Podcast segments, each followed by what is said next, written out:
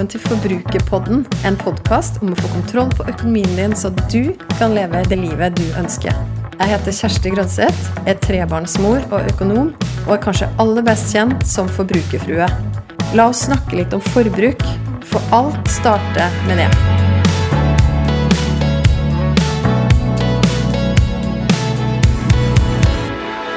Denne uka i Forbrukerpodden får du en episode som er av typen jeg setter meg ned foran mikrofonen og deler noe av det som jeg har på hjertet, og det jeg er opptatt av for tida. I forrige uke var jeg så heldig å få sitte i studio sammen med gründer, forfatter, håndarbeidsentusiast, influenser og gjenbruksekspert Ingrid Bergtun.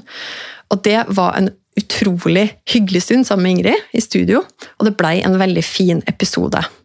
Så du som ikke har fått med deg den ennå, etter du er ferdig med å høre på den her, så anbefaler jeg å gå tilbake til forrige ukes episode og høre på da hvordan du kan få en mer bærekraftig garderobe. Hvordan eh, bærekraftige og økonomiske valg går hånd i hånd.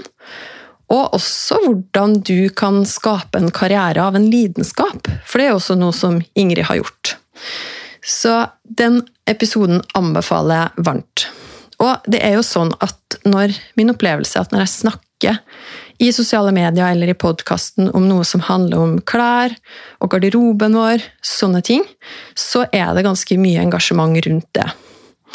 Og hvis vi putter på interiør, også i samme sjanger, altså klær og interiør, så stilte jeg også spørsmål for noen uker siden på Instagram om Eller jeg jeg vet at flere av dere vil ha tips til hvordan man kan bruke mindre penger på trender innen nettopp klær og interiør.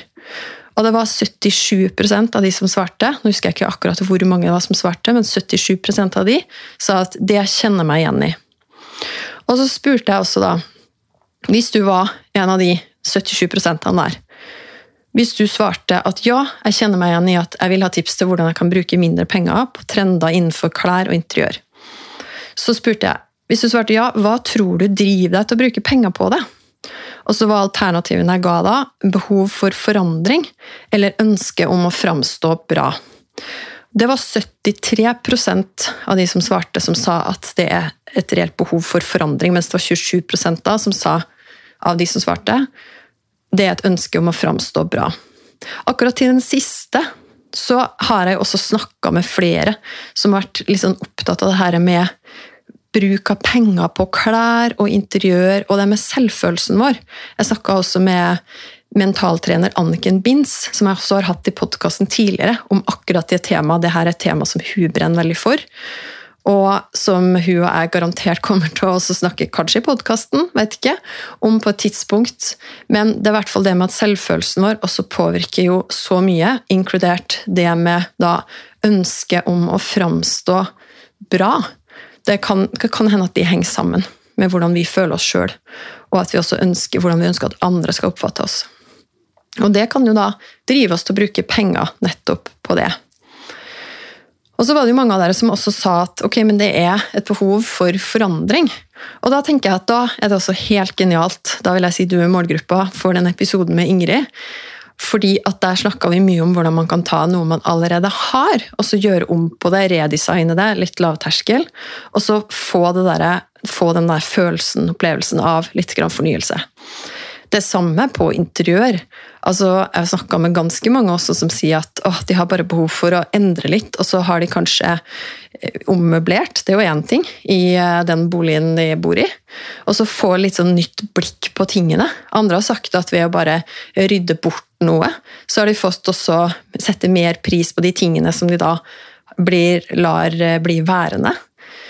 Og i tillegg så får man da Det skjer noe når man på en måte rydder bort. At du får bort noe støy, kanskje, som gjør at åh, det oppleves som en forandring. Det oppleves som noe nytt og fresht. Så nå er det jo februar og veldig strakk og veldig mye lysere ute. Og jeg husker jeg leste en gang i sånn der eh, bolig, eh, bolig, og hjem, et eller annet magasin, at eh, februar er sånn en fin måned for å lufte, lufte ut i leiligheten din eller huset ditt, til boligen din. Lufte ut og på en måte la, begynne å forberede seg på vårluft og, og få litt sånn ja, gode vibes. da. Og det kan jo også være, bare være sånne småting. Ta en ekstra vask ikke sant, som kan gjøre at du setter mer pris på der du bor. Så jeg tror at det er veldig mye vi kan gjøre med det vi har. Og det å ta vare på det vi har, det er jo noe av det fineste vi kan gjøre. Både for oss sjøl og for miljøet. Fordi at da Jeg tror at når vi bestemmer oss for at åh, men jeg skal se litt mer etter og legge litt mer merke til og sette litt mer pris på de tingene jeg allerede har, om det er interiørting eller om det er klær, kanskje bruke det på litt nye måter, så gjør det i hvert fall meg da, roligere. Slipp det der jaget etter noe nytt. Og så gjør det jo rett og slett at jeg også slipper å kvitte meg med ting for å kanskje erstatte det med noe nytt, og så blir det fort en sånn bruk og kast også. ikke sant? Så det er noe av det jeg har tenkt litt på i det siste. Bare sånn, Hvordan kan jeg stadig være fornøyd med min egen klesgarderobe? Hvordan kan jeg stadig være fornøyd med hvordan jeg har det hjemme?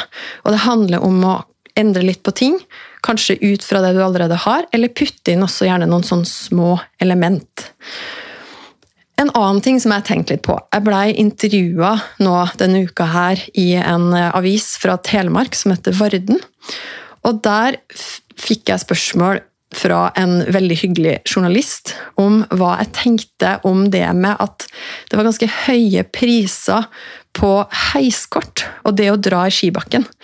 Og Da hun først stilte det spørsmålet, så tenkte jeg sånn Oi, det her veit jeg ikke egentlig om jeg har så mye meninger om.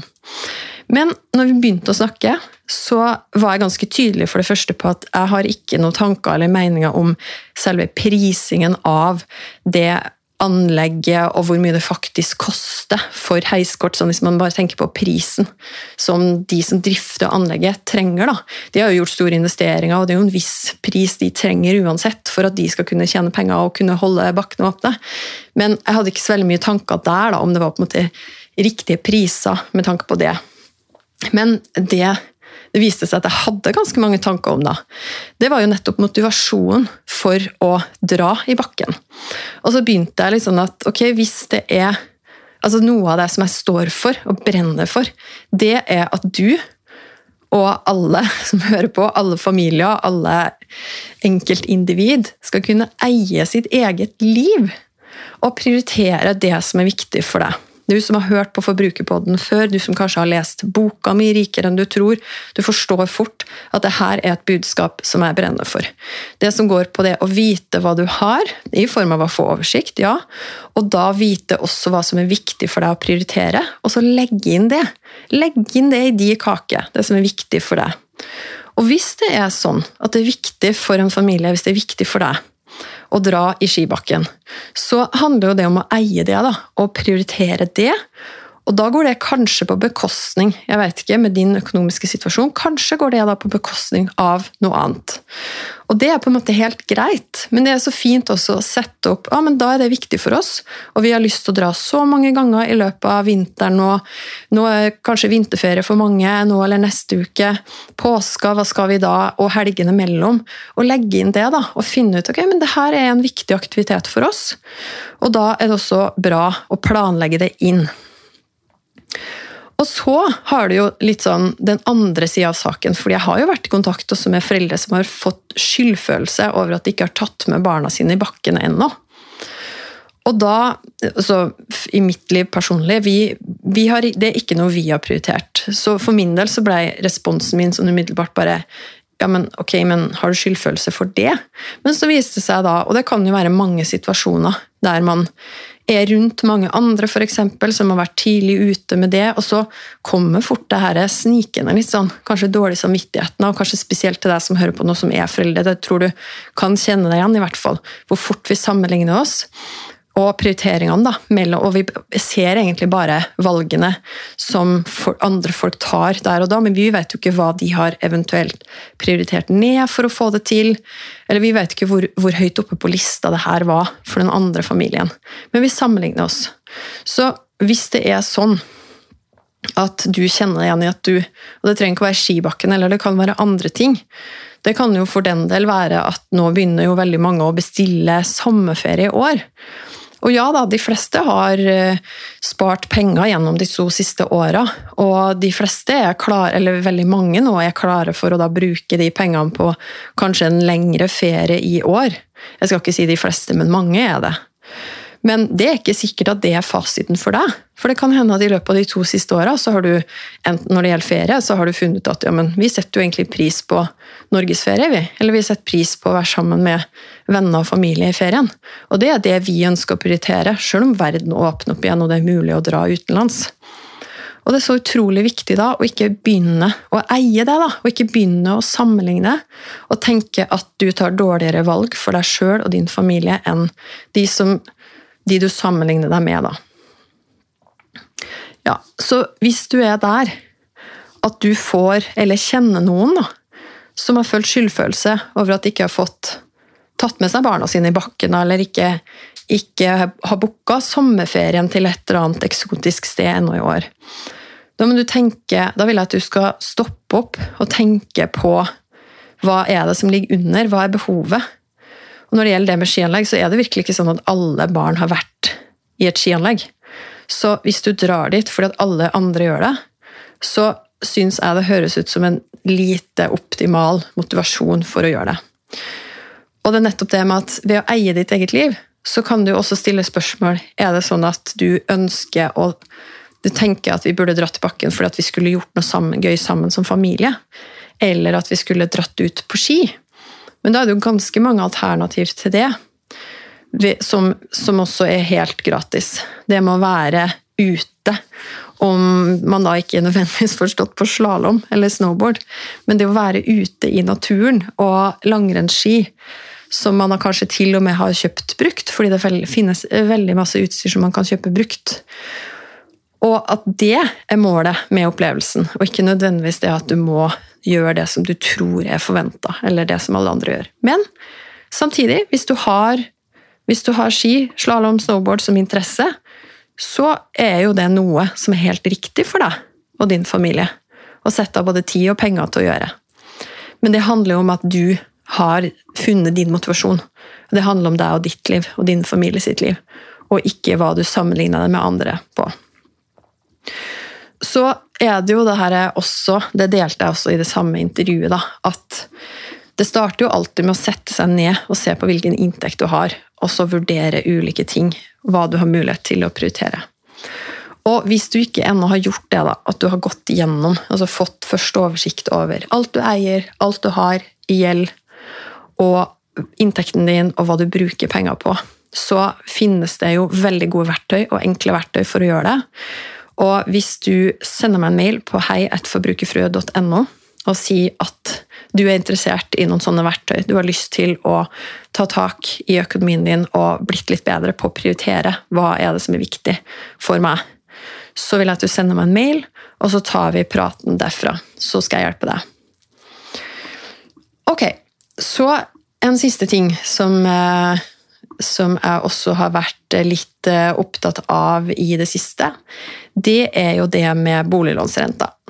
Så spurte jeg jo også da, for eh, ca. en uke siden om eh, de som følger meg på Instagram, om de hadde lyst til å vite hvordan man kan forhandle renta med banken. Og da var det, Av de som svarte, så var det 90% som sa ja, så da kjørte jeg en liten sånn miniserie på det. For det første så er det jo viktig der også å ha kunnskap. Så det å vite hvilken rente du har i dag, kjempeviktig. Og det tror jeg at du som hører på Forbrukerpodden, i hvert fall du som har hørt på det en stund, og som da har boliglån, da er jeg ganske sikker på at du har vært inne i din nettbank og har stålkontroll på de rente. Hvis ikke, gå inn i nettbanken, finn ut av det. Ring banken eller kundeservice, chat med de i verste fall hvis du ikke finner ut av det. Og så stilte jeg også da spørsmål om om du vet hva som er den beste renta du kan få i din situasjon. Og av de som svarte på det, så var det 65% som sa nei. Og da er jo det første og beste tipset der til deg som da også som hører på nå, og som ikke veit hva den beste renta du kan få i din situasjon er, da er det finansportalen.no. Det er et av de beste verktøyene jeg vet om. Går du inn der, så kan du sammenligne masse, men du kan også sammenligne boliglån. Da legger du inn verdien på din bolig, hva du har i lån i dag, og da får du også en beregna belåningsgrad, det vil si boliglånet delt på verdien av boligen. Dvs. Si hvor mye av boligen din er det som er finansiert med lån. Så legg inn alderen din og nedbetalingstid. Og så, regne, så, får du da opp en oversikt over de beste rentene i ulike banker som du kunne fått med dine opplysninger. Og det er så viktig at du gjør det der sjøl, sånn at du fyller deg med kunnskap i din situasjon. Hvis du snakker med andre om hva de har i rente, så kan det for all del være et utgangspunkt for at du også skal finne ut om eh, du har en god eller dårlig rente, men det aller, aller beste det er å gå inn på Finansportalen under boliglån, og så sjekker du med dine opplysninger om du kunne fått en bedre rente et annet sted. Og Derfra så er det egentlig plankekjøring. Da kan du bruke ferdigutfylte maler fra Finansportalen til å enten gi din egen bank en sjanse ved å si til dem at hei, jeg har funnet det her alternativet et annet sted, kan dere matche det? Og hvis de da skulle si nei, så kan du jo, hvis det er et reelt alternativ for deg, så kan du jo bytte bank til den som da ville gi deg en bedre rente. Og det kan jo være en fin anledning å gjøre den sjekken nå, for nå vet jeg jo at veldig mange har også fått renteøkning i februar. Og derfor, hvis du ikke har gjort det, så anbefaler jeg å gå inn på Finansportalen og sende meg en mail på hei.forbrukerfrue.no hvis du ikke finner ut hvordan du skal legge inn det der på Finansportalen. Så finner vi ut av det sammen. Og så spurte jeg også når det kommer til denne forhandlingsbiten. Én ting er jo det der med å vite hva du Altså sammenligne renta du kunne fått i andre banker. Og det er jo det aller, aller viktigste argumentet du skal kunne bruke i forhandling med banken. For det er jo sånn i forhandling at Hvis du har et reelt alternativ, så står jo du egentlig sterkere. for Da, ikke, da er du ikke helt avhengig av at banken din sier at ja, vi kan gi deg en lavere rente. For da har du jo faktisk et alternativ om å bytte bank. Og så vet jeg at jeg snakka med noen for bare for et par dager siden som uttrykte at å, de kjente seg litt sånn lojale overfor banken sin, fordi at de hadde vært eh, De hadde kanskje fått et høyere lån enn det de normalt ville fått i akkurat den banken, og dermed så kjenner de seg litt mer lojale. Men det er sånn at banken, hvis du har boliglån, så tjener den ganske mye penger på deg allerede. Så det å sitte med en slags sånn dårlig samvittighet eller forpliktelse og følelse av det, og lojalitet overfor banken, det er igjen tilbake til det din det er dine penger, det er din økonomi, og du må ta valg som er gode for deg og ditt liv.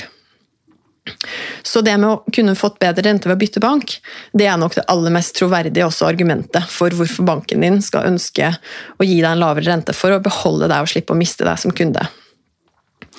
Så kan det være verdt å sjekke ut det her med belåningsgrad. Og det er jo igjen da boliglånet delt på boligverdien. Og det regnes også ut på Finansportalen for deg.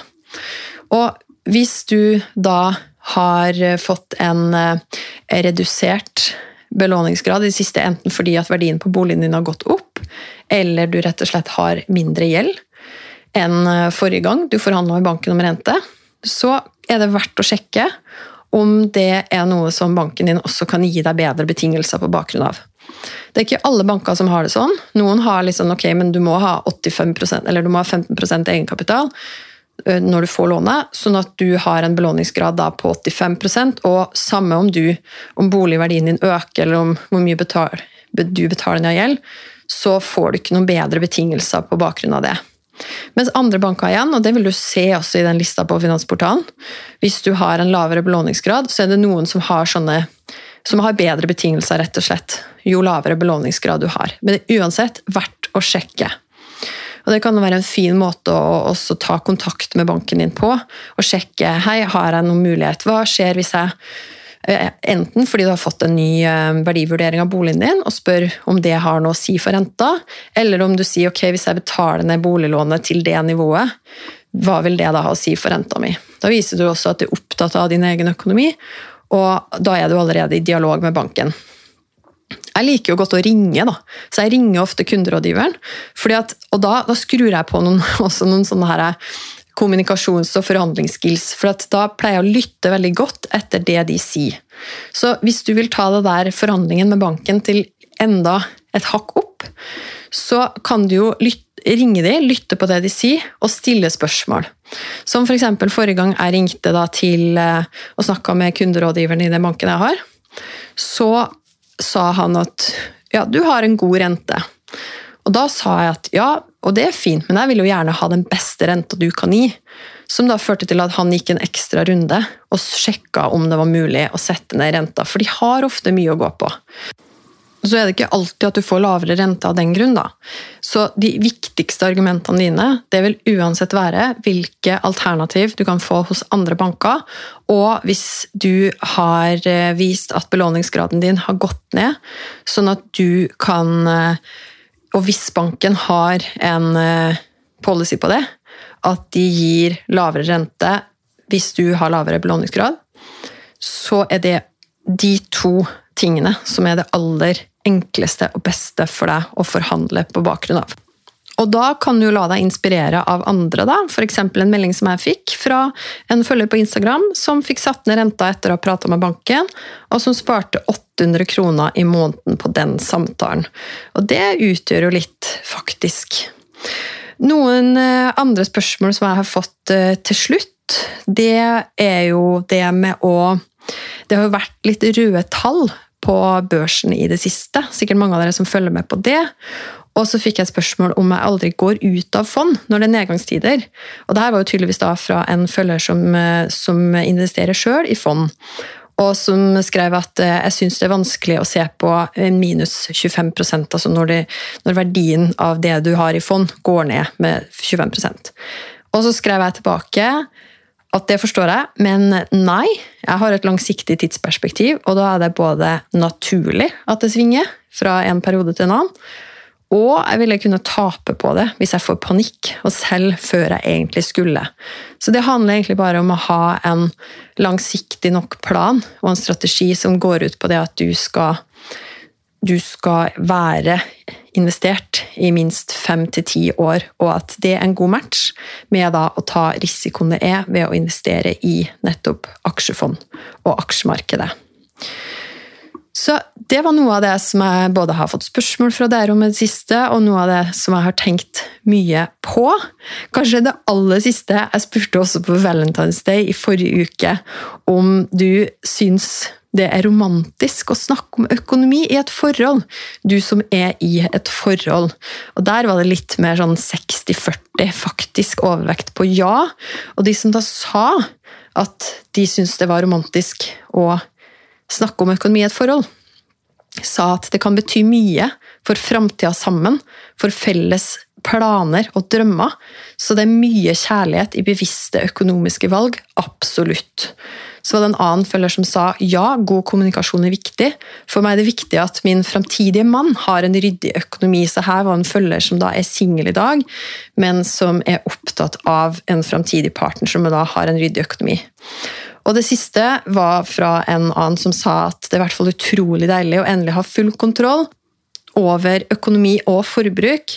Og vi har aldri mer passiv-aggressive diskusjoner om penger i forholdet. Så det får være en sånn siste lille oppmuntring til deg som hører på, som er i et forhold, og invitere partneren din da på økonomidate. Og gå gjennom økonomien, få full kontroll og finne ut hva dere felles skal prioritere å bruke pengene på. Og du som ikke er i et forhold, det er minst like viktig for deg. Sett deg ned, gå på date med deg sjøl og din egen økonomi. Og hvis du lurer på noe knytta til det, hvordan du skal legge opp en god økonomidate med din egen, eller en date med din egen økonomi, send meg en mail på heiatforbrukerfrue.no.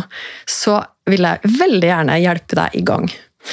Så da gjenstår det bare for meg å ønske deg en nydelig dag, uansett hva du har planer om å gjøre. Jeg ønsker for deg at du skal kjenne på at du eier ditt eget liv. Bruk gjerne noen minutter nå på å reflektere over hvor du står, og hva er det som driver handlingene du tar, de valgene du tar, og det du velger å bruke penger på. Stopp litt opp, bli mer bevisst, og så ønsker jeg for deg gjennom det at du skal få kjenne og erfare at du faktisk er rikere enn du tror. Jeg vil gjerne vite hva du tenker etter å ha hørt episoden. Så koble med meg på Instagram. Der finner du meg som forbrukerfrue. Send meg en melding. Tagg meg gjerne i Story og del episoden her hvis du likte den. Eller send meg spørsmål. Og husk å abonnere på podkasten Forbrukerpodden, så får du beskjed hver gang det kommer en ny episode. Vi høres!